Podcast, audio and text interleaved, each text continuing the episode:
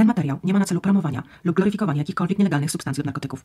Materiał jest wyłącznie opowieścią i ma charakter dokumentalny oraz charakter prywatnej opinii. Materiał został sporządzony dla celów edukacyjnych i dokumentalnych. Opisane w materiale wydarzenia zawsze zlokalizowane są w miejscach, gdzie stosowanie takich metod jest dopuszczalne prawem. Dobra, widzę, że jest dosyć małe opóźnienie, ale zaraz sobie tutaj wszystko poprzestawiam. E, jak ktoś mnie, jak ktoś tutaj jest, ja się nie spodziewam tutaj, ale widzę, że jest kilka osób. E, ja się nie spodziewam tutaj za wiele, ale jeżeli ktoś z Was jest, to bardzo proszę, napiszcie mi w okienku, czy wszystko jest ok, czy słychać i, i wszystko jest w porządku. I sobie wtedy z tym live'em ruszymy. O, widzę, że przybywa osób. Nie będę sama, a miałam taki naprawdę dzisiaj e, spontaniczny ruch i, i chęć nagrania tego, chociaż pod wieczór już mi trochę przeszło. E, o, dzięki Niebieskie Oka jest, że wszystko gra. Widzę, że mi tutaj w tym programie pozmieniali. Słuchajcie, ja w ogóle e, dawno nie byłam tutaj nie podłączałam niczego. A jeszcze dzisiaj w ogóle sobie e, zrobiłam mm, taki motyw, że chciałam w ogóle zmienić wszystko i zrobić coś nowego, bo ostatnio tak mam w życiu, że lubię robić e, rzeczy od początku. I, I robić je inaczej niż zwykle, ale nie wyszło mi dzisiaj, więc e, tak, o, widzę, że trochę Was przybywa, ale w ogóle też cześć niebiesko oka. Fajnie, że jesteście w ogóle. I pogadamy sobie dzisiaj o o czymś, co jest dla mnie bardzo żywe ostatnio, e, bo jeżeli śledzicie mnie na Instagramie, jeżeli e, widzieliście zapowiedź dzisiejszego live'a, to mówiłam, że w moim życiu się bardzo dużo dzieje ostatnio. Ale e, jakby jak to ze wszystkim, jakby bardzo długa droga do tego wszystkiego prowadziła i jeszcze ciągle pewnie długa droga przede mną. Więc ja dzisiaj opowiem Wam o Satori, i trochę porozmawiamy na ten temat. To jest w ogóle ciekawy temat. Satori to jest e, japońska nazwa przebudzenia. I e, specjalnie będę mówiła o przebudzeniu, a nie o przebudzeniu duchowym, bo ja trochę mam jakby przesyt kwestii jakby to powiedzieć, duchowych. Bardziej wchodzę w taki koncept nas istnienia jako człowieka. I odkryłam ostatnio niesamowity materiał dotyczący właśnie stopni Satori, e, przez które przechodzimy, czyli stopni przebudzenia i jak to wszystko wygląda i dlaczego możemy utknąć e, w jakichś punktach. I też chciałabym Wam powiedzieć, jakby jak to w tym procesie wyglądało, jeśli chodzi o mnie, bo ja po prostu ostatnio jestem w takim miejscu mm, dosyć ciekawym dla mnie, ale jednocześnie też bardzo trudnym, w takim miejscu, w którym szczerze mówiąc, chyba nigdy w życiu nie byłam, bo ja Wam nagrywałam e, kilkakrotnie odcinki na temat mojego, mojej sfery nie wiem, ale prawda była taka, że e, pomimo tego, że ciągle usiłowałam się postawić w sferze nie wiem, e, to ciężko mi się było tam zaaklimatyzować i trochę czasu upłynęło, zanim się rozgościłam w tym miejscu, którym było e, nie wiem, ale o tym później. Ale też prawda jest taka, że dzisiaj najbardziej istotną kwestią, o której ja będę mówić, to będzie radykalna szczerość. I szczerze mówiąc, to jest e, podstawowy element e, pracy jakiejkolwiek terapeutycznej, czy pracy. Wiecie, ja się, nie, ja się w ogóle jakby już trochę nie skupiam na pracy z substancjami. Oczywiście można z nimi pracować i to jest spoko narzędzie, ale też e, właśnie to, co jest ciekawe, że e, w kontekście takiego przebudzenia i przechodzenia przez przebudzenie, e, to bardzo dużo ciekawych postaci obecnie spotykam w świecie terapeutycznym i zupełnie inaczej zaczęłam postrzegać pewne rzeczy i stałam się zdecydowanie bardziej otwarta na pewne sprawy i właśnie weszłam w przestrzeń e, radykalnej szczerości, e, która jest e, fantastyczna, jeżeli odkryjemy tą radykalną szczerość dla samych siebie mm, ale jednocześnie bywa kompletnie przerażająca i strasznie się przed nią bronimy, a skoro się przed nią bronimy, to bardzo często nawet zaprzeczamy temu, że jesteśmy wobec siebie nieszczerzy, bo oczywiście tego nie dodałam, chodzi o radykalną, radykalną szczerość wobec samego siebie, czyli takie, taką możliwość e, obejrzenia siebie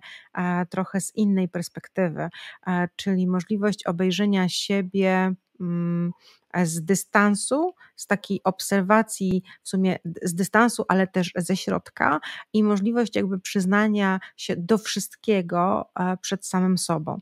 Bo e, to jest najpiękniejsze w momencie, kiedy e, doznajemy już tego przebudzenia, to jest zrozumienie, że my tak naprawdę mm, na tym etapie życia, na którym jesteśmy, mamy absolutnie wszystko i to są wszystko niezbędne rzeczy, e, które musimy posiadać że tak naprawdę e, nie istnieje nieidealny moment życia. I bez względu na to, e, co się w nas dzieje, e, to zawsze jesteśmy w dobrym punkcie, bo to jest dobry punkt dla nas na teraz. I dlatego, jak będę Wam mówiła dzisiaj o mm, tych elementach przebudzenia i jakby o etapach przebudzenia duchowego, to bardzo ważne jest też, żeby wejść w taki szczery dialog ze sobą, w jakim punkcie, w jakim miejscu jestem, bez absolutnej oceny, bo e, prawda jest też taka, że nie ma złego punktu na tej osi e, przebudzenia. Nie ma absolutnie złego punktu, bo też jakby można powiedzieć, że czasami w momencie, kiedy zaczynamy czuć, zaczynamy wracać e, do tej rzeczywistości, zaczynamy myśleć o tym, że. Mm, że generalnie się obudziliśmy i wychodzimy z tego e, bycia na autopilocie, wchodzimy online, o cześć Rastor, e, wchodzimy online, to w takiej sytuacji e, tak naprawdę mm, wydaje nam się, że, że, że jakby albo za późno, albo że musimy pogonić gdzieś przed siebie i tak dalej, a w rzeczywistości nie o to w tym wszystkim chodzi. Chodzi też o bardzo dużą akceptację tego miejsca, w którym się właśnie znajdujemy, nawet jak ono jest czasami e, dyskomfortowe. I też powiem Wam, jak często i dlaczego często utykamy na tej drodze e, przebudzenia, w szczególności jeżeli pracujemy tylko i wyłącznie e, z różnego rodzaju plant medicine, a w takiej sytuacji rzeczywiście na tej drodze czasami można utknąć. Nie mówię, że zawsze, bo te doświadczenia, choć piękne, e, bardzo często mogą nas utrzymywać w jednym miejscu. I ostatnio e, znalazłam w ogóle bardzo piękny kanał e, kobiety, która pracuje z osobami mm, w celu przebudzenia albo przebudzonymi i ona właśnie między innymi nakreśliła mi te mm, stopnie. Ja w ogóle zalinkuję pewnie, jak tutaj już zrobię opis, jak będę miała chwilę, zalinkuję w ogóle jej kanał. To jest to kanał anglojęzyczny, bardzo polecam.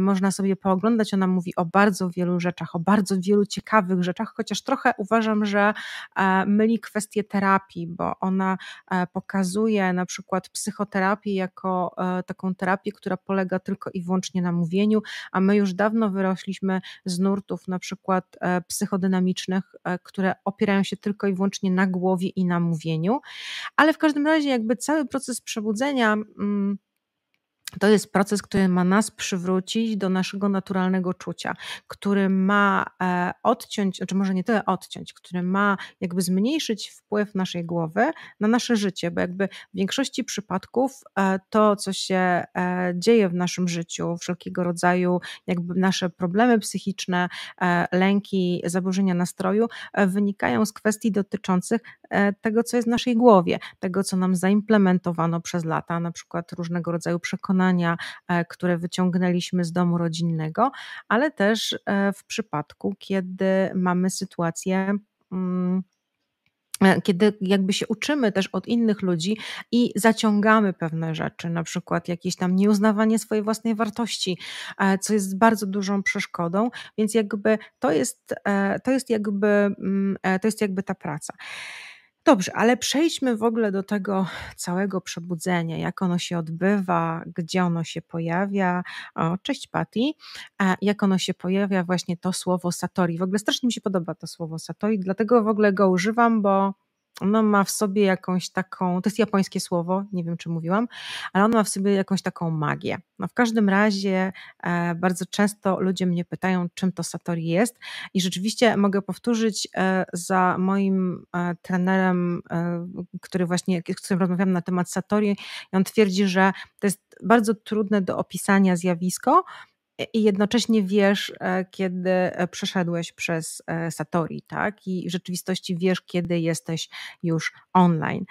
W każdym razie, jeśli chodzi o samo przebudzenie, to nie trzeba absolutnie stosować do tego żadnych substancji. Szczerze mówiąc, bardzo często do przebudzenia może doprowadzić właśnie radykalna szczerość, ale też w trakcie tego całego procesu przebudzenia ta radykalna szczerość bardzo mocno pomaga, chociaż ona jest e, często trudna do wypracowania bo my mamy naprawdę w sobie e, jako ludzie e, całą. Mm, o, cześć Joanna. Bo my mamy jako ludzie całą, jakby mm, cały system różnego rodzaju zabezpieczeń, cały system różnego rodzaju zabezpieczeń, żeby tylko jakby chronić samych siebie, bo my, nasz umysł traktuje to, co się dzieje w środku, jako coś zagrażającego bardzo. I to generalnie rzecz biorąc bardzo często powoduje, mm, że, że cholernie ciężko jest nam wyjść i zobaczyć, co jest na zewnątrz. Zobaczyć nam tak naprawdę ciężko jest prawdę. I Satori, czyli to samo, całe przebudzenie, bardzo często pomaga nam otworzyć oczy. E, I pomaga nam otworzyć oczy. Bardzo często, e, wiadomo, e, praca z różnego rodzaju substancjami przyspiesza otwieranie oczu i przyspiesza możliwość zobaczenia. Mm, aczkolwiek ja mam trochę wrażenie, że praca z substancjami, jeżeli jest niepoparta później, że tak powiem, innego rodzaju pracą, może nas zatrzymać właśnie na tym pierwszym etapie. No bo właśnie, jakie są etapy e, tego przebudzenia, jakie są etapy Satori? I dlaczego to jest ważne? E, pierwszy etap, to jest właśnie ten etap, kiedy otwieramy oczy, kiedy widzimy jakąś zmianę, kiedy mamy uczucie, że się coś takiego zdarzyło.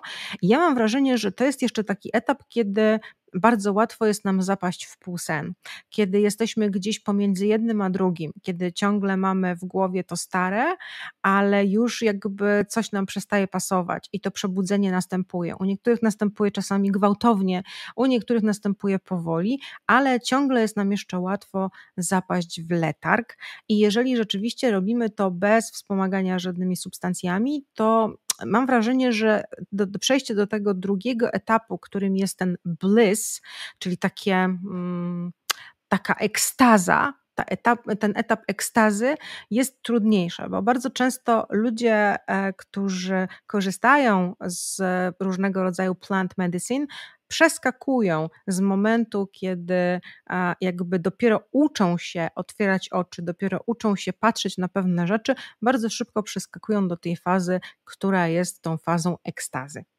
I teraz, e, dlaczego ta faza ekstazy czasami bywa e, trudna?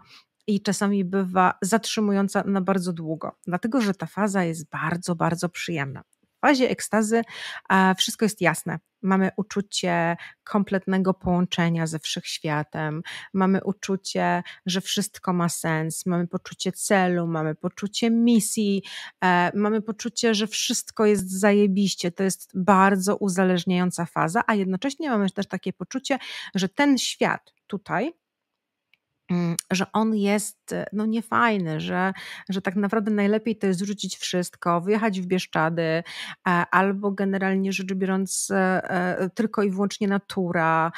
Tutaj to życie to jest w ogóle nie ten tego. Ludzie w tej fazie bardzo często właśnie rzucają pracę, robią najprzeróżniejszego rodzaju rzeczy, bo są w takim uniesieniu. I jednocześnie po tej fazie, która de facto ta faza ekstazy, ona trwa dosyć krótko w tym, na tym całym etapie przebudzenia, a później następuje faza cienia. I tutaj pojawia się, słuchajcie, problem na granicy pomiędzy fazą ekstazy a fazą cienia, ponieważ, no, cholera jasna, nikt e, do tego etapu, e, generalnie rzecz biorąc, e, cienia nie chce iść bo tam jest straszno ciemno, tam siedzą te wszystkie demony, tam już jest całe zło. Więc e, co się dzieje bardzo często na tym etapie styku pomiędzy tą fazą ekstazy a fazą cienia? To, że ludzie tam utykają. No bo e, pamiętają ten moment, który był naprawdę fascynujący, ten moment, który e, był takim połączeniem, ekstazą i tak dalej, i nagle wchodzą w fazę cienia i wcale tam nie chcą iść.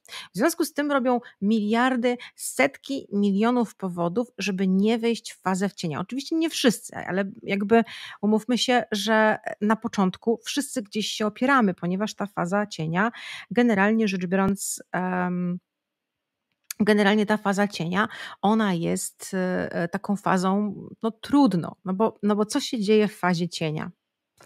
Jak wchodzimy w tą fazę cienia, to tam zaczyna nam wywalać wszystko. Absolutnie konkretnie wszystko. Nie ma e, w ogóle jakby nie ma przeproś i nie ma już jakby, e, nie ma już odwrotu. Jakby to już jest taki moment, kiedy otworzyliśmy oczy, nie ma już odwrotu i zaczynają nam wywalać różne rzeczy, zaczynają nam wywalać traumy, bardzo często wraca depresja, bardzo często e, wracają różnego rodzaju nerwice, e, napady lękowe, pojawiają się najprzeróżniejsze rzeczy i my dochodzimy do wniosku, że to wszystko kurde nie ma sensu. I bardzo często ludzie, którzy stosują substancje, utykają w tym miejscu bo e, no, na samym początku mówimy, ok, no dobra, no ale ja miałem takie doświadczenia, nie inne, e, tu mi się, e, że tak powiem, pojawiło i za każdym razem, kiedy na przykład mam doświadczenie, to znowu wpadam, wpadam w tą fazę ekstazy, ale później zaczyna się robić taka lekka kaszana, nie? No i rzeczywiście ta faza, ta faza cienia jest bardzo trudna i będziecie wszędzie, jak będziecie w ogóle słuchać różnego rodzaju informacji na temat w ogóle integracji swojego cienia, bo bardzo dużo można e, w internecie. To jest tak naprawdę e, spotkanie z samym sobą, ale na poziomie tych wszystkich naszych zranień, wszystkich naszych traum, wszystkiemu, wszystkiego, co mamy. Joanna już w Bieszczadach, proszę bardzo, a Kaja pyta, bo tutaj zwrócę uwagę na Wasze komentarze. Jestem tutaj nowa i dopiero odkryłam. Czy mogę wysłać dziś listę pytań? E, wiesz co, no fajnie by było, gdybyś, e, nie wiem, albo nie wiem, jak teraz będę miała z odpowiadaniem na maile, ale możesz na przykład pod filmem zadać konkretne pytanie, możesz wysłać na maila. Tylko może być tak, że poczekasz dłużej na odpowiedź. No i cześć Ula. No, no i wracamy do tej, e, do tej naszej fazy cienia. Trochę się nas tutaj widzę zebrało. Wracamy do tej naszej fazy cienia w której jesteśmy i zaczynamy jakby się tym wszystkim bawić, zaczynamy, e, zaczynamy tą bardzo nieprzyjemną fazę. I problem polega na tym, że mm, ta faza, ona trwa bardzo długo. W momencie, kiedy się czyścimy z tych wszystkich rzeczy, e, generalnie rzecz biorąc, e, zaczyna, zaczyna, się, zaczyna się taki okres, który trwa w naszym życiu bardzo długo. I powiem szczerze, że ta faza jest bardzo nieprzyjemna i e, bardzo często chce się z niej już wyjść. A ona odsłania nowe, nowe, nowe i nowe te rzeczy. I to, co teraz jeszcze powiem, to to, że te fazy bardzo często się przenikają. To znaczy, one, one generalnie stanowią jakieś etapy, ale one się przenikają.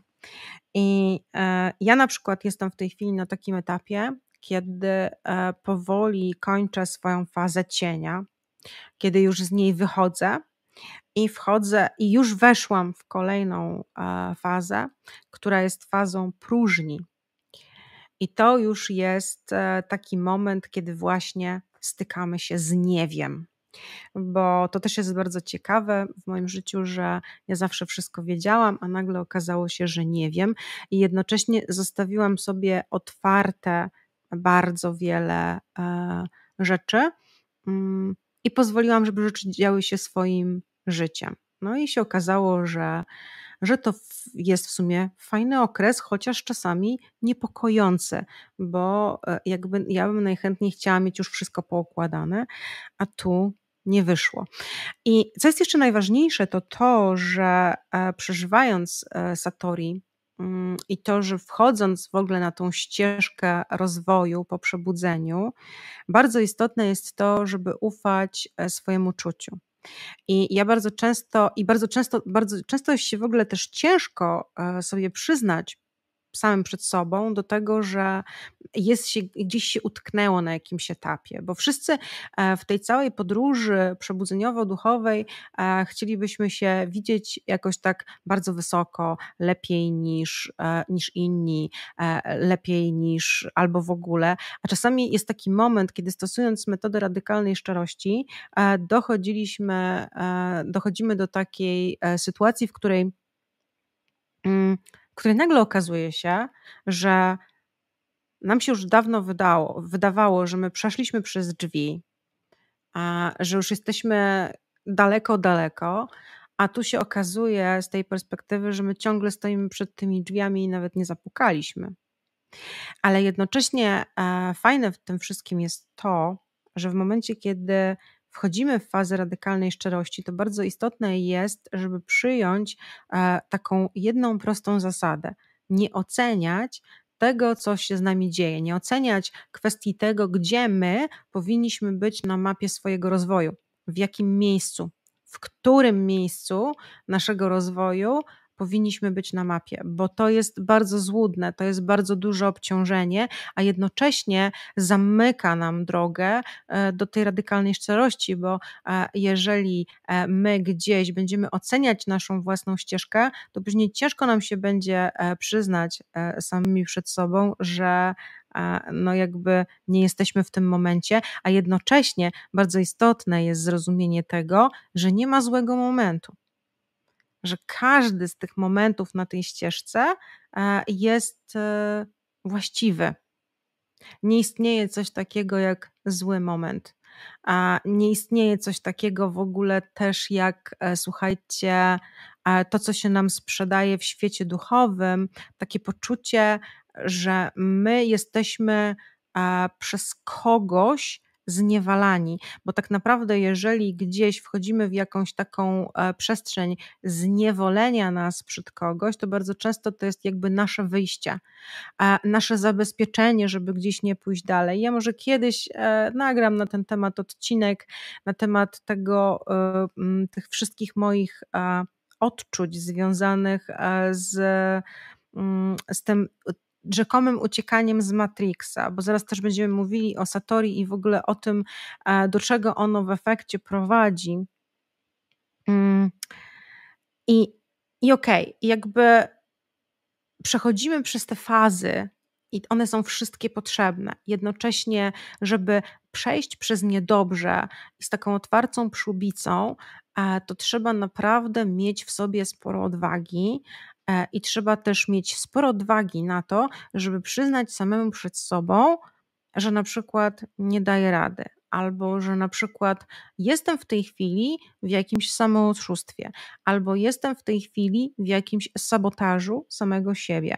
To jest cholernie trudne, słuchajcie. Bo my za wszelką cenę e, w naszej głowie chcemy być fajni, i jednocześnie to nie jest tak, że jak my przystam, właśnie to jest kuriozalne, bo właśnie my stajemy się fajniejsi, im bardziej stajemy się autentyczni i prawdziwi, im bardziej jesteśmy w stanie przyznać się sami przed sobą do własnej słabości, bo to jest tak naprawdę akt prawdziwej odwagi i akt w rzeczywistości czegoś, co może nam dać e, niesamowite benefity później, jeżeli jesteśmy w stanie rzeczywiście stanąć w dużej nagości sami przed sobą i pokazać nam samym, w czym my tkwimy. Nawet jeżeli to jest coś, co jest niekomfortowe, nawet jeżeli to jest coś, co jest niemiłe. Ja spotykam bardzo często na swojej drodze ludzi, którzy mm, z, mają na tyle odwagi, żeby stanąć i powiedzieć: e, Słuchaj, jestem w jakimś strasznym autosabotażu, jestem e, w takim miejscu, kiedy robię sobie to, to, to, to, to i nie jestem w stanie na razie z tego wyjść. I bardzo często, słuchajcie, właśnie ta przestrzeń pracy na, na ścieżce, jeśli chodzi o cień, polega na tym, że my po prostu przyznajemy sami przed sobą, że tak się dzieje. I czasami e, to są momenty, kiedy jeszcze nie mamy wyjścia z tej sytuacji. Wiemy, że tak się dzieje, wiemy, że nie ma wyjścia z tej sytuacji i to jest ok. I to jest taki moment, kiedy czasami też e, musimy sobie powiedzieć: Nie wiem, nie wiem, jak wyjść z tego miejsca. Czasami trzeba zaczekać. Niektóre rzeczy rzeczywiście wymagają czasu. Ja oczywiście mam takie doświadczenie e, z, e, czy to z klientami, czy czasami jak rozmawiam ze znajomymi, to wszyscy mi mówią, że, e, że w ogóle z terapeutami to jest tak, że w ogóle oni nie wiadomo ile jakby chcą, żeby do nich chodzić na terapię uzależniają ludzi od tej całej swojej terapii, a prawda jest taka, że najlepiej to pójść na dwie, trzy sesje i kurczę sprawy załatwić. Natomiast to rzeczywiście tak nie działa, bo słuchajcie, czegokolwiek byśmy nie dotknęli, nawet jeżeli e, jakby zastosujemy osławioną e, medycynę roślinną, to, to i tak to w jakiś sposób radykalny moim zdaniem nie przyspieszy e, nam tej takiej rzetelnej i prawdziwej pracy. My rzeczywiście łatwiej przejdziemy, to znaczy to jest rzeczywiście fajna, fajny mechanizm do pchnięcia nas w tym kierunku, gdzie nam czasem jest bardzo ciężko przejść. Ten moment przebudzenia jest bardzo, bardzo trudny. I generalnie rzecz biorąc, proszę bardzo, tutaj ktoś, kolega z Sanoka, i proszę, Bieszczady, ten moment przebudzenia jest e, czasami bardzo, bardzo trudny do przejścia, więc rzeczywiście tutaj, jeśli chodzi o całą plant medicine, to jest naprawdę niesamowicie, e, niesamowite narzędzie. Mam nadzieję, że to jakby będzie, e, że badania naukowe potwierdzą jakby działanie tego, że to zostanie wprowadzone do, do mainstreamu. Ale dobra, wracając do kwestii jakby pracy później z tym cieniem. Tutaj nie ma przyspieszenia. Tutaj nie ma akceleracji. Tutaj e, praca e, tak naprawdę się kłania pracą podstaw. I nawet jeżeli będziemy e, stosować substancje, i nawet jeżeli będziemy pracować w ten sposób, to my przez tą fazę cienia, generalnie rzecz biorąc, przejdziemy moim zdaniem w tym samym tempie. Dlatego, że każda akceleracja, każde przyspieszenie jakby bardzo często kończy się tym, że nasze ciało nie wytrzymuje, zaczynamy chorować, zaczynają nam się dziać e, jakieś różne rzeczy, ponieważ wiecie, e, bardzo często jest tak, ja, ja mówię to też z własnego doświadczenia, że nie szanujemy własnego tempa. I generalnie rzecz biorąc, próbujemy zrobić wszystko i jeszcze docisnąć e, kolanem, tak? E, i żeby e, tylko i wyłącznie jakby pójść e, jak najszybciej, jak, jak najdalej, tak? A jednocześnie nie bierzemy pod uwagę tego, że my bardzo często tkwiliśmy na autopilocie, tkwiliśmy w jakimś miejscu, które było dla nas niekorzystne przez wiele, wiele lat, a teraz chcemy sprawę załatwić najlepiej, żeby łyknąć pigułkę i, mm, i generalnie jakby pójść dalej.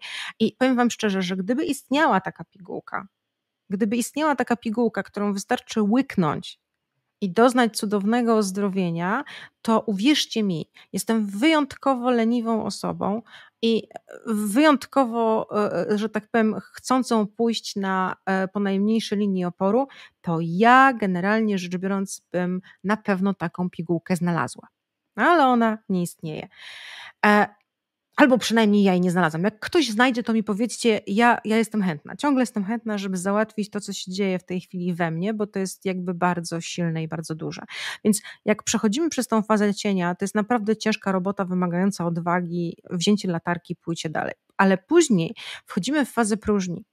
Faza próżni e, jest takim miejscem, w którym żegnamy to, co było, bo przestajemy być osobą, robimy pogrzeb w tej fazie cienia osobą, e, jakby osobie, którą byliśmy. I nagle musimy się dowiedzieć, kim naprawdę jesteśmy. I tutaj, słuchajcie, już nie ma lekko, bo tutaj już naprawdę bez takiej radykalnej szczerości wobec samego siebie i odnajdowania siebie, trudno nam będzie w ogóle e, generalnie rzecz biorąc znaleźć, e, znaleźć samego siebie.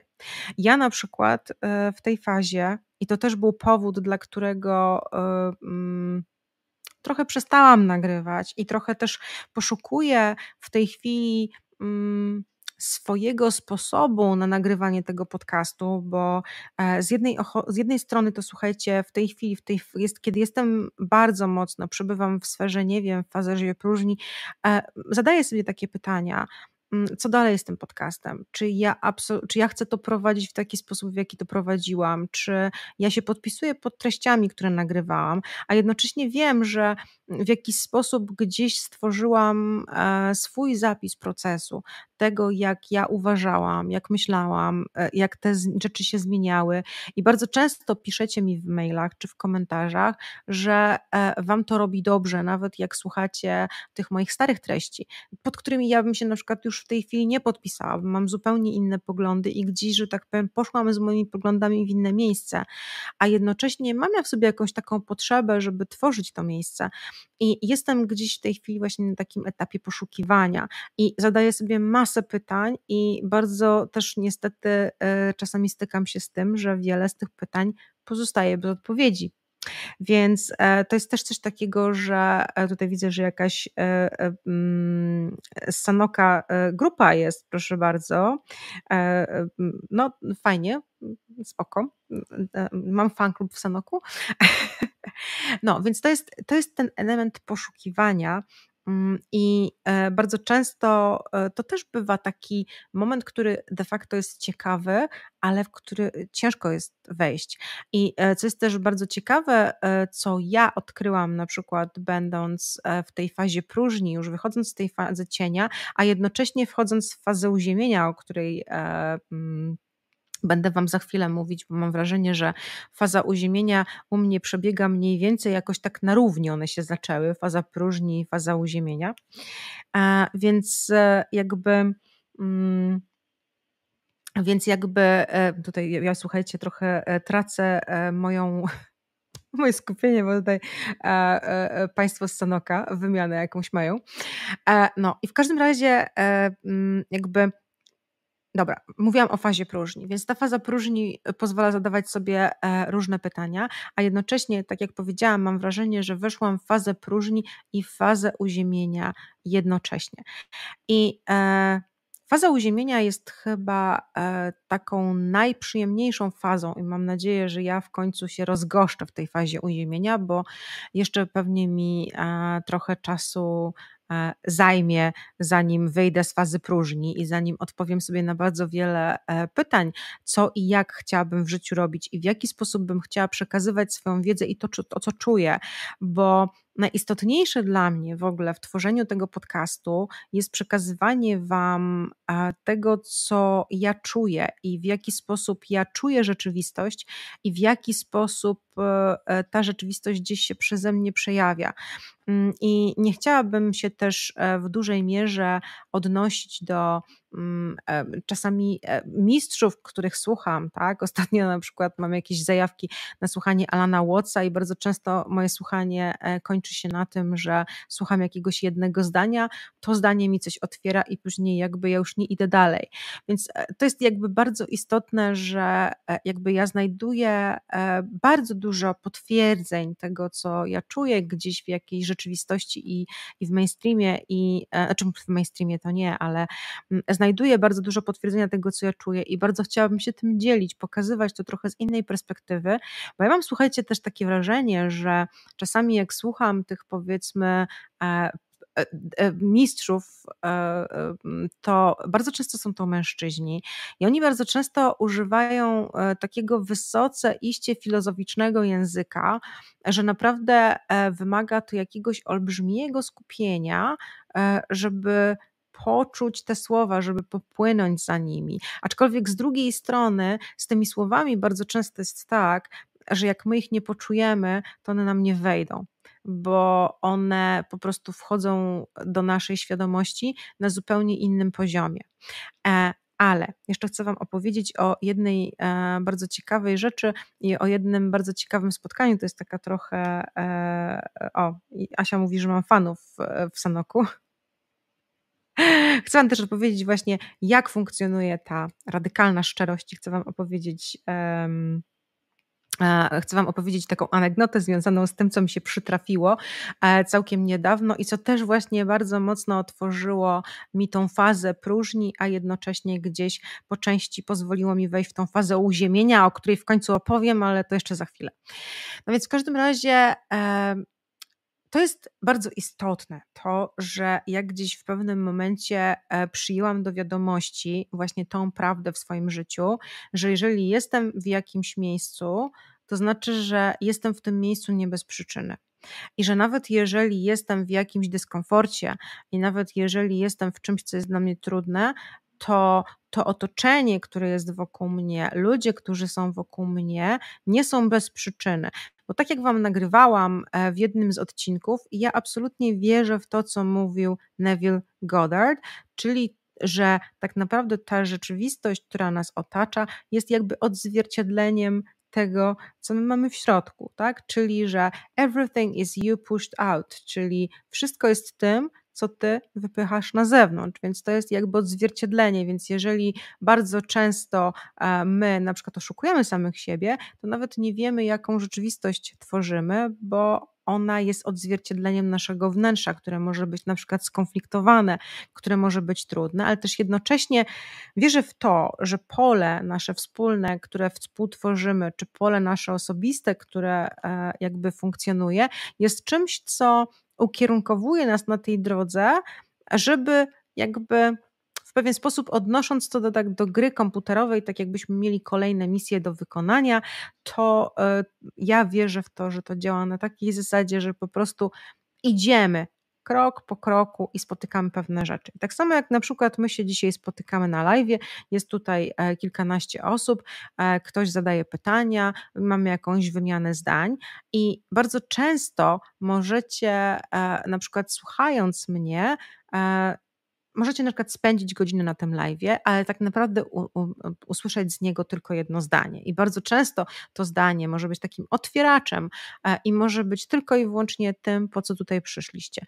Ale też z drugiej strony czasami zdarzają się takie historie i czasami dostaję takie komentarze, że na przykład oglądają mnie ludzie i ja na przykład irytuje kogoś. I to niejednokrotnie się zdarzało, że tutaj ktoś był taki bardzo poirytowany w ogóle, co się wydarzyło. I e, bardzo często ta irytacja jest takim olbrzymim otwieraczem, bo bardzo często ta irytacja pojawia się w momencie, kiedy to jest coś, czego my nie możemy przyjąć. I to jest przepiękne miejsce do e, jakby przyjrzenia się tego w kontekście um, właśnie tej radykalnej szczerości. I ja właśnie teraz doszłam do brzegu, do tej anegdoty, słuchajcie, o którą wam miałam opowiedzieć. Otóż byłam sobie na zajęciach u e, takiego mm, starszego trenera, on był bodajże Norwegiem, e, i, e, I Svein był w ogóle to taki powiedzmy jowialny starszy pan. Pewnie by się obraził, jak ja mówię o nim starszy pan, no ale nie wiem, no jakby trudno mi jest przewidywać je, jego wiek ale na pewno jest grubo po 60, więc może pan w średnim wieku, niech będzie. Ale ja, dla mnie on był starszym panem, może dlatego, że ja wcześniej byłam u innego trenera, który był po 70, ale nieistotne. No w każdym razie e, rozmawialiśmy właśnie o Satori. Rozmawialiśmy właśnie o Satori, o, o świadomości, o tym, jak ona jest ważna. On tłumaczył pewne rzeczy. Rozmawialiśmy też o, o Tao. I i w pewnym momencie ja do niego mówię tak, ja mówię, wiesz co Svein, ja to w ogóle mam z tą świadomością tak, że dla mnie jest już za dużo. Ja jestem przeciążona tą świadomością. I on popatrzył na mnie, uśmiechnął się i powiedział mi: I don't believe you. Czyli nie wierzę ci. No i wiecie, wkurzył mnie. Jak mnie wkurzył, po prostu sobie patrzyłam na niego i sobie pomyślałam, ja mówię, ty stary dziadu, w ogóle się nie znasz. W ogóle, co ty możesz wiedzieć o mnie? Co ty w ogóle możesz wiedzieć o mojej świadomości? Czy ty możesz wiedzieć w ogóle, ile ja tych informacji przetwarzam?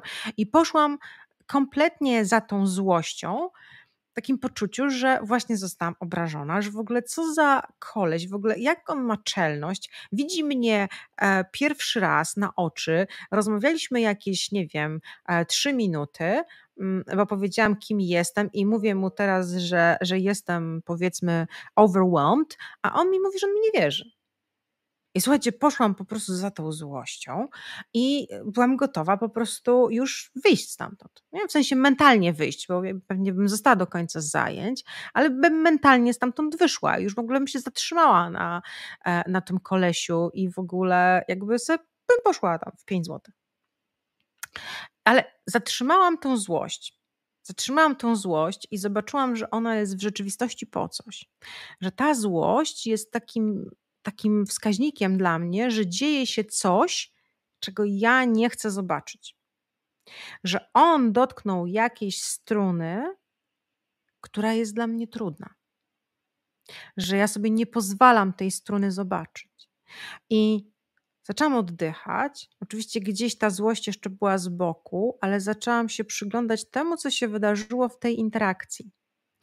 I zaczęłam się przyglądać, na ile, ja, na ile on może mieć rację, czego ja nie chcę zauważyć. No i posiedziałam sobie chwilę z tym i dosłownie, nie wiem, może po minucie, po dwóch, ja już znałam odpowiedź. I okazało się, że rzeczywiście to, czego ja nie chciałam zauważyć w kontekście świadomości, to nie to, że ja jestem przeciążona, bo mi się wydawało, że ja jestem przeciążona, tylko sama e, przed sobą nie chciałam przyznać, że ta świadomość mnie przeraża. I że tam jest strach po prostu pod spodem, że nie ma żadnego przeciążenia, że tutaj chodzi o strach. I wtedy powiedziałam e, do tego trenera, mówię, Svein, ja już wiem. A to jest strach. A on popatrzył mi w oczy i powiedział, teraz ci wierzę. Tak? I to jest jakby kwestia, e, kwestia świadomości i też takiej radykalnej szczerości kiedy nagle znajdujemy coś, co jest pod spodem, bo my bardzo dużo rzeczy ukrywamy przed sobą. Bardzo dużo rzeczy ukrywamy przed sobą. Kuriozalnie, e, ja wiem, że w tej chwili e, większość ludzi, jak na przykład komuś powiem, że to, że ktoś jest e, na przykład, nie wiem, w tej chwili w takim, a nie w innym miejscu w życiu, że to są bardzo często rzeczy, które my sami sobie wybieramy że nawet jeżeli jesteśmy w bardzo dużym dyskomforcie w tej chwili, to bardzo często my sami sobie taką drogę wybieramy. To jest w jakiś sposób coś, co daje nam jakiś benefit. Tak samo jak jesteśmy na przykład na miejscu ofiary, tak samo jak sabotujemy nasze życie, tak samo jak czasami jesteśmy e, w przestrzeni depresji, to bardzo często jest to coś, co sobie, o widzicie, nie zamknęłam okna, to jest to bardzo często e, coś, co sobie sami wybieramy.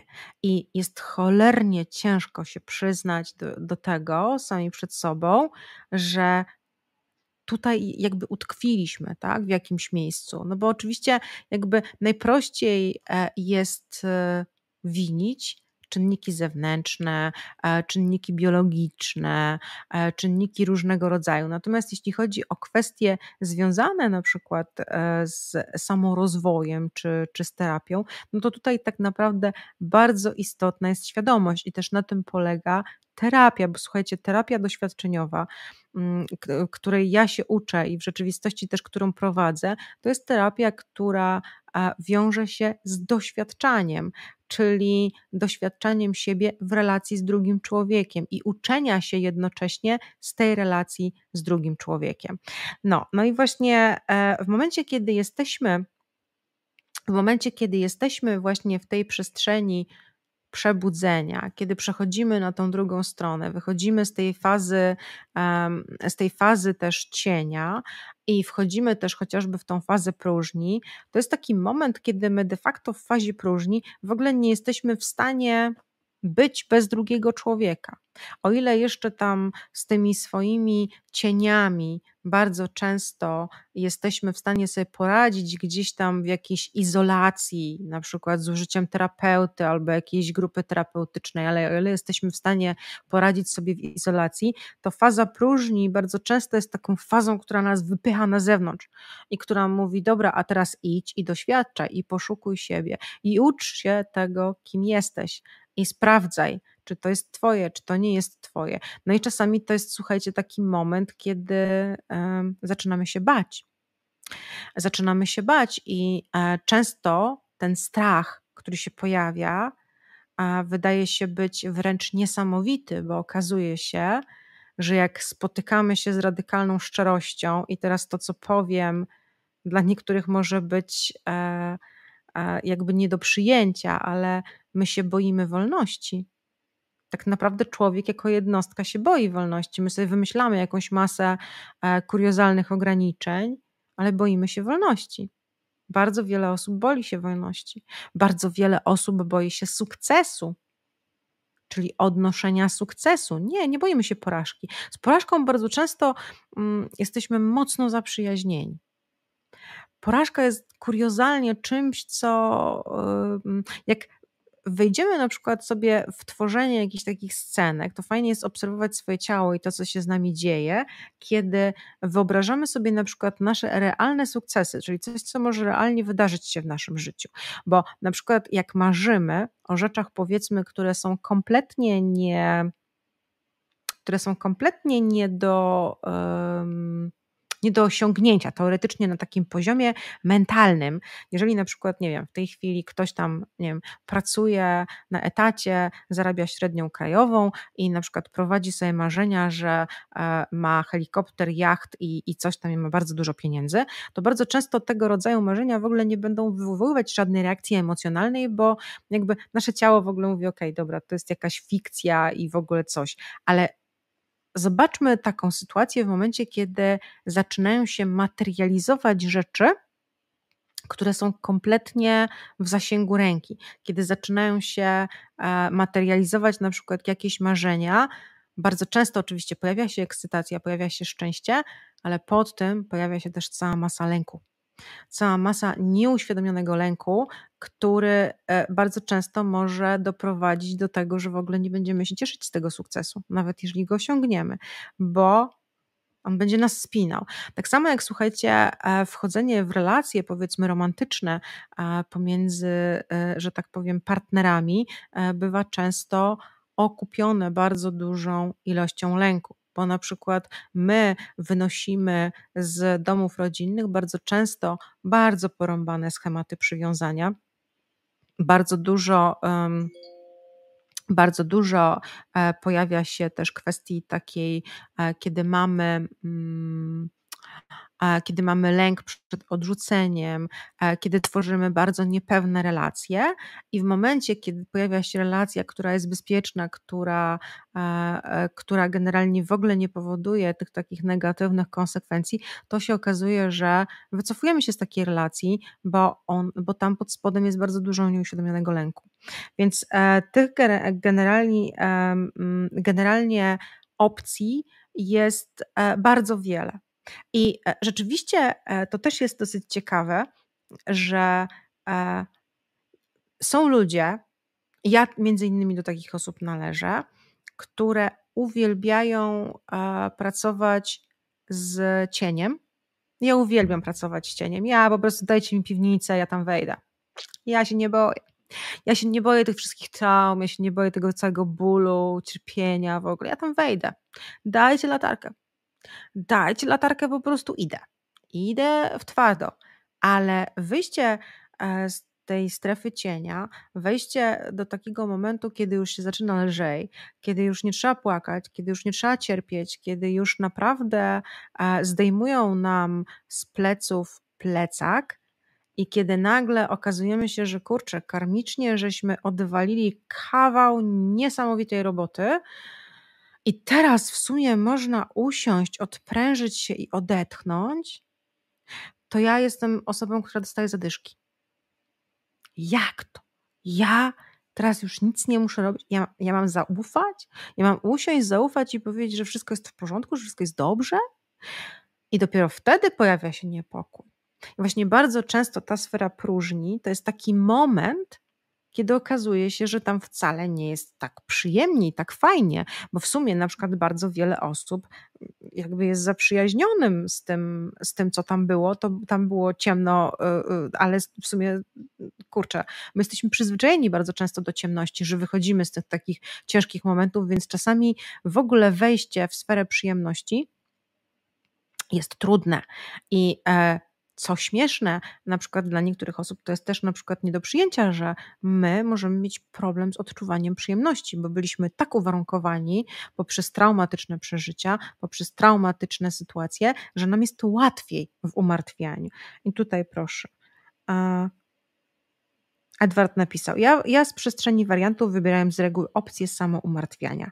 Ta wersja była dla mnie łagodniejsza niż podążanie za potencjałem, który rozpoznawałem. I to jest dokładnie to, o czym ja mówię. To jest kwintesencja tego, o czym ja mówię, że wybieramy sobie taką, a nie inną opcję, bo, bo realizowanie swojego potencjału bywa czasami cholernie przerażające umówmy się, jak właśnie już wychodzimy, e, e, nawet jeżeli jesteśmy w tej sferze próżni przez cały czas, ale później zaczynamy doświadczać tak zwanego groundingu, czyli do, za, zaczynamy doświadczać a, takiego miejsca, w którym zaczynamy się uziemiać i zaczynamy rozumieć, o co w ogóle chodzi z tym całym, znaczy może nawet rozumieć to jest złe słowo, bo zaczynamy czuć w ogóle, o co z tym przebudzeniem chodzi i że my wcale nie musimy wypasać owiec na hali, że e, tak naprawdę e, to nie jest kwestia tego, że tam są jakieś e, systemy i ktoś nas chce uciemiężyć i że my w ogóle po prostu, nie wiem, ja mam swoje przekonania na ten temat, już przerobiłam to, że tak naprawdę to możemy robić dokładnie w życiu to, co chcemy. Jak chcemy, to możemy pracować w korpo, jak chcemy, to możemy generalnie rzecz biorąc realizować swój własny biznes, że możemy robić absolutnie wszystko w życiu i że wcale nie musimy być healerami duchowymi, okazać krocza i robić że tak naprawdę nie ma przestrzeni, której my moglibyśmy nie osiągnąć. I nagle okazuje się, że jesteśmy w tej sferze groundingu i jakby uzyskujemy już ten poziom takiego swojego rozwoju dosyć wysoki, i nagle słuchajcie, a ten potencjał zaczyna się realizować. Bo wtedy się okazuje, że to już jest dosyć łatwe. Zaczynamy realizować swój potencjał. I co się dzieje? I wywala nam lęk. I wywala nam chęć po prostu tego, że nie, to, to, to może ja tutaj zawrócę. Ja już tutaj nie będę. E, nie, no i właśnie, dochodzimy do tego klub mm, problemu, i bo, bo ostatnim, mm, ostatnim etapem e, tego całego naszego rozwoju to jest e, misja i cel naszego bycia tutaj, kiedy odkrywamy tą misję i cel naszego bycia. Ja mam takie wrażenie, że ta faza próżni, odkrywania samego siebie, ta faza groundingu i ta faza e, misji i, i, i, celu u mnie przebiega mniej więcej równocześnie, że to się gdzieś pojawia, mm, że tak naprawdę to w ogóle nie chodzi o to, że my, e, osoby, które jakby doświadczają satori, doświadczają przebudzenia, że my jakby mm, musimy w jakiś sposób nagle stać się healerami, leczyć innych ludzi, pomimo tego, że czasami ludzie mają pewne wizje. Ja słuchajcie, mam, ja bardzo mocno korzystam z medytacji, bardzo mocno korzystam e, ze swoich snów. Moje życie się w rzeczywistości bardzo mocno zmieniło od momentu, kiedy e, też wzięłam do, do ręki łopatę i zaczęłam właśnie e, uprawiać tą samą świadomość, ale też właśnie radykalną szczerość. I zaczęłam akceptować bardzo wiele rzeczy i ostatnio miałam też rozmowę z niektórymi swoimi trenerami, że ja mówię, słuchajcie, czasami te doświadczenia, które są właśnie z poziomu tej świadomości, e, z którymi my mamy do czynienia, tak, pracując terapeutycznie, to są takie, mm, e, takie generalnie rzecz biorąc doświadczenia, że człowiek się zaczyna zastanawiać, czy, e, czy już wariuje, czy to już jest ten dobry moment i Chyba najważniejsze w tym wszystkim jest to, żeby nie oceniać, żeby nie oceniać tego całego procesu i że to jest absolutna podstawa, kiedy rozumiemy, że my siebie kompletnie nie możemy, nie musimy oceniać. Że my możemy absolutnie przyjąć do wiadomości, że jesteśmy w takim, a nie w innym punkcie, i jednocześnie w całym życiu nie ma ani dobrego, ani złego punktu. Tak naprawdę zawsze jest punkt idealny. Zawsze to miejsce, w którym się znajdujemy, jest punktem idealnym, a jednocześnie my mamy kompletnie, e, kompletną wolność co do tego, w jakim kierunku pójdziemy. I możemy wybrać kompletnie robić to, co, mm, to, co, to, co chcemy. I chcę się też odnieść do kwestii związanych um, z. Um, Poczekajcie, tutaj jeszcze ktoś napisał, ok. E, na ten moment czuję niepokój, ponieważ co spojrzę na zegary, widzę liczbę 13. Nakręcam się w przyciąganie negatywnych myśli. Kilka dni temu odszedł mój kot, co pogłębia mój niepokój. Ewa, jakby urodziłam się 13. E, uważam, że to dobra liczba, tak samo jak każda, aczkolwiek e, znam e, ten moment nakręcania się i wiem, że czasami e, nawet w swoim ciele widzę, kiedy się czasami nakręcam. Mam swoje lęki, jak każdy człowiek, i czasami się nakręcam na pewne rzeczy i czuję ten moment, kiedy pojawia się ten niepokój, kiedy pojawia się ten lęk w momencie, kiedy zaczynam się, się nakręcać. Ja, ja mam swoje, moi, moi przyjaciele wiedzą, jaką, jak, jaki mam problem i wiedzą, kiedy, kiedy mi się pojawiają pewne rzeczy i no, no cóż, e, bywa. No, ale Boże, o czym ja to mówiłam? A, o czym chciałam powiedzieć? Chciałam powiedzieć o, tym, o tej misji i o tym, mm, o tym całym leczeniu, przebudzeniu i w ogóle o tych moich e, przekonaniach, które się też bardzo mocno, słuchajcie, e, zmieniły przez lata. Mm, I ja chcę Wam powiedzieć, że e, ja się gdzieś bardzo mocno odłączyłam od świata który postrzegam jako świat duchowy, chociaż uważam, że jestem osobą, e, która jest osobą duchową, tylko jakby nie po drodze mi było z pewnymi rzeczami, które ciągle słyszałam e, w przestrzeni e, świata duchowego, dotyczące ciągłego nakręcania się w zakresie mm, też nakręcania pewnego lęku i tego, co nas dookoła otacza. Bo ja jestem w kompletnej akceptacji co do tego, co nas dookoła otacza. I uważam, że tak naprawdę mm, jesteśmy w tej przestrzeni, jesteśmy w tym miejscu, i tak naprawdę obawa przed tym, że jesteśmy uciemiężani, e, że istnieją jakieś spiski, że e, jakby dla mnie e, takim świetnym przykładem na to, e, jak zmieniły się moje poglądy, jest pandemia. Bo oczywiście ja słyszę bardzo dużo różnych opowieści, bardzo dużo ludzi otworzyło różnego rodzaju e, swoje jakby przekonania i idee. Ja nie oceniam żadnych idei ani przekonań, każdy sobie wierzy w to, co chce. Ale dla mnie pandemia to był taki moment, w którym mam wrażenie, że to był taki moment korekty natury, kiedy e, natura, wszechświat powiedział nam stop. To jest moment, e, w którym się zatrzymujemy. I z mojej perspektywy, to, co się wydarzyło później w kontekście tworzenia e, całej masy spisków wokół, wokół tego, co się wydarzyło w pandemii, mm, było dla mnie takim przekazem lęku. Takim, e, takim elementem, żeby się nie spotkać ze sobą, żeby uciec, żeby jednak pokazać sobie, że jest jakiś wróg. A ja e, wychodzę z takiego założenia e, w moim życiu, że e, ta przestrzeń, w której jestem, ta możliwość wykorzystania mojego potencjału nie zawiera żadnego wroga. I nie ma znaczenia, gdzie ja jestem. Tutaj nie ma żadnego jakiegoś konkretnego wroga, z którym ja e, miałabym e, walczyć. Więc e, ja mam takie przekonania i oczywiście każdy może sobie, że tak powiem, wybierać tak jak chce. I jednocześnie uważam, że przez to, że my się budzimy, przez to, że my zyskujemy świadomość, i to jest jakby moim zdaniem clue całości, jakby tego przesłania dotyczącego leczenia. Ja o tym już zresztą mówiłam e, czasami, że moim zdaniem, poprzez to, że my zyskujemy świadomość, poprzez to, że my rozwijamy samych siebie i jednocześnie stajemy się bardziej świadomymi i autentycznymi ludźmi, my jednocześnie zmieniamy ten świat.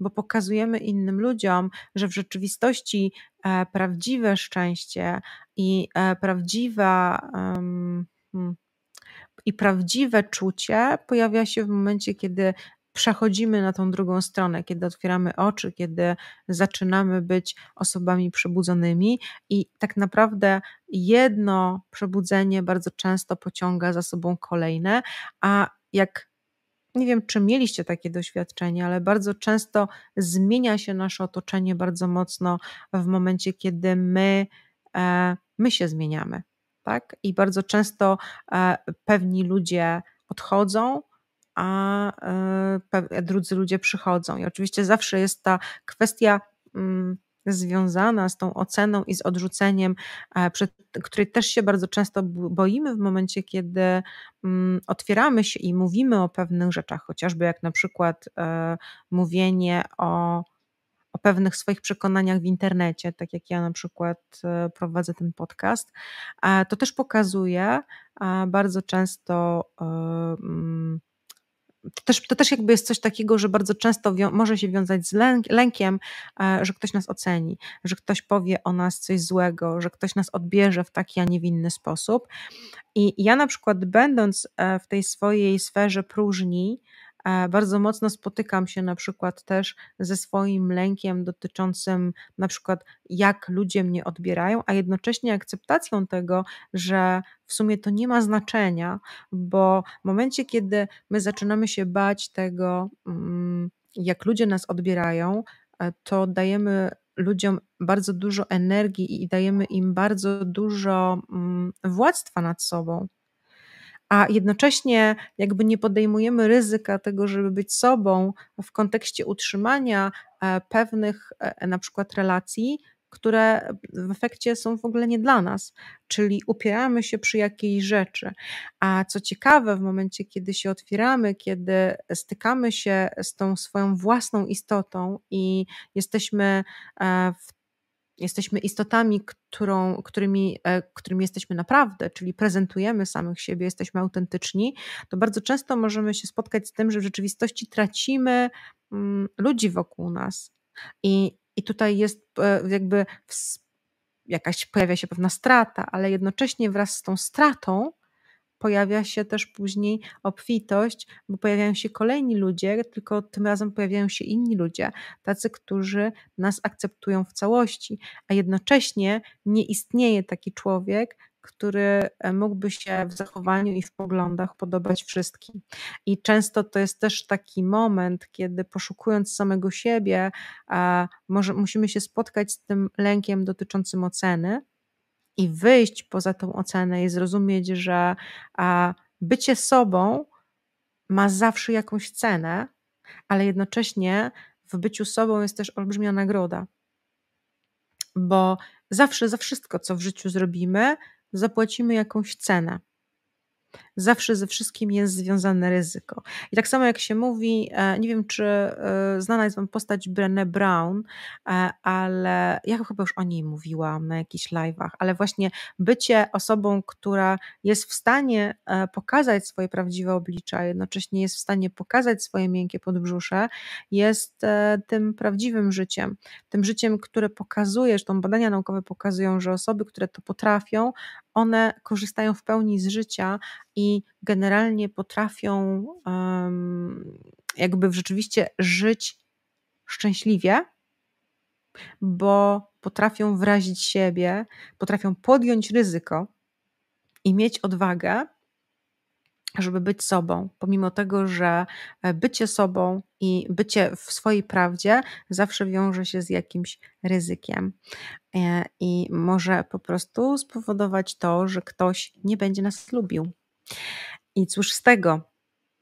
Tak to jest. No ja oczywiście jestem gdzieś na tej e, swojej ścieżce, gdzie spotykam się e, z jakimiś swoimi rzeczami. Jeszcze, jeszcze jakaś, e, ja zawsze się śmieję, że to jest taka niekończąca się droga, bo też co chcę Wam powiedzieć o tych etapach dotyczących Satori. Oczywiście fajnie, jak już dojdziemy do tego etapu groundingu, kiedy, kiedy już będziemy na takim etapie, kiedy będziemy się gruntować, kiedy będziemy rozumieć, czuć przede wszystkim pewne rzeczy, ale to też nie jest tak, że my nie będziemy wracać czasami do tej przestrzeni cienia, do tego ciemnego lasu, e, który zostawiamy za sobą.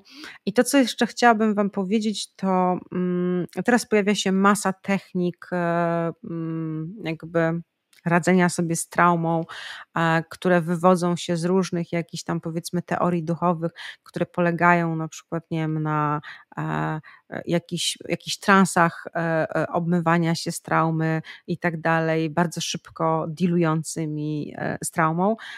Oczywiście każdy robi co chce. Ja na przykład w takie metody osobiście nie wierzę. Uważam, że pewne rzeczy po prostu trzeba na pewnych etapach w odpowiedni sposób e, przeżyć i że one wymagają czasu.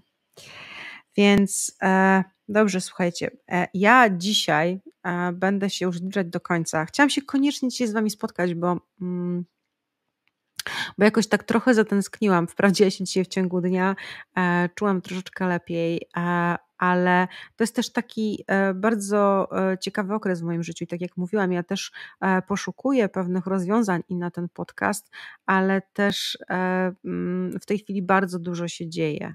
I szczerze mówiąc, ja dzisiaj w ogóle miałam już wyjechać, miało mnie w ogóle nie być, miałam być już, już daleko ale wyjeżdżam dopiero nad ranem, więc trochę mi się plany pozmieniały, więc to jest w ogóle e, bardzo szalony pomysł, żeby się dzisiaj z Wami spotkać, ale bardzo się cieszę i powiem szczerze, że jestem zaskoczona, bo, bo nawet tutaj ta liczba skakała dosyć mocno, więc nawet tutaj chwilami naprawdę była spora liczba osób. Bardzo Wam dziękuję za obecność tutaj i cieszę się, że się spotkaliśmy i Teraz nie wiem, jak będzie. Nie wiem, jak się będą pojawiać kolejne odcinki, czy może będę robić e, takie spontaniczne live'y.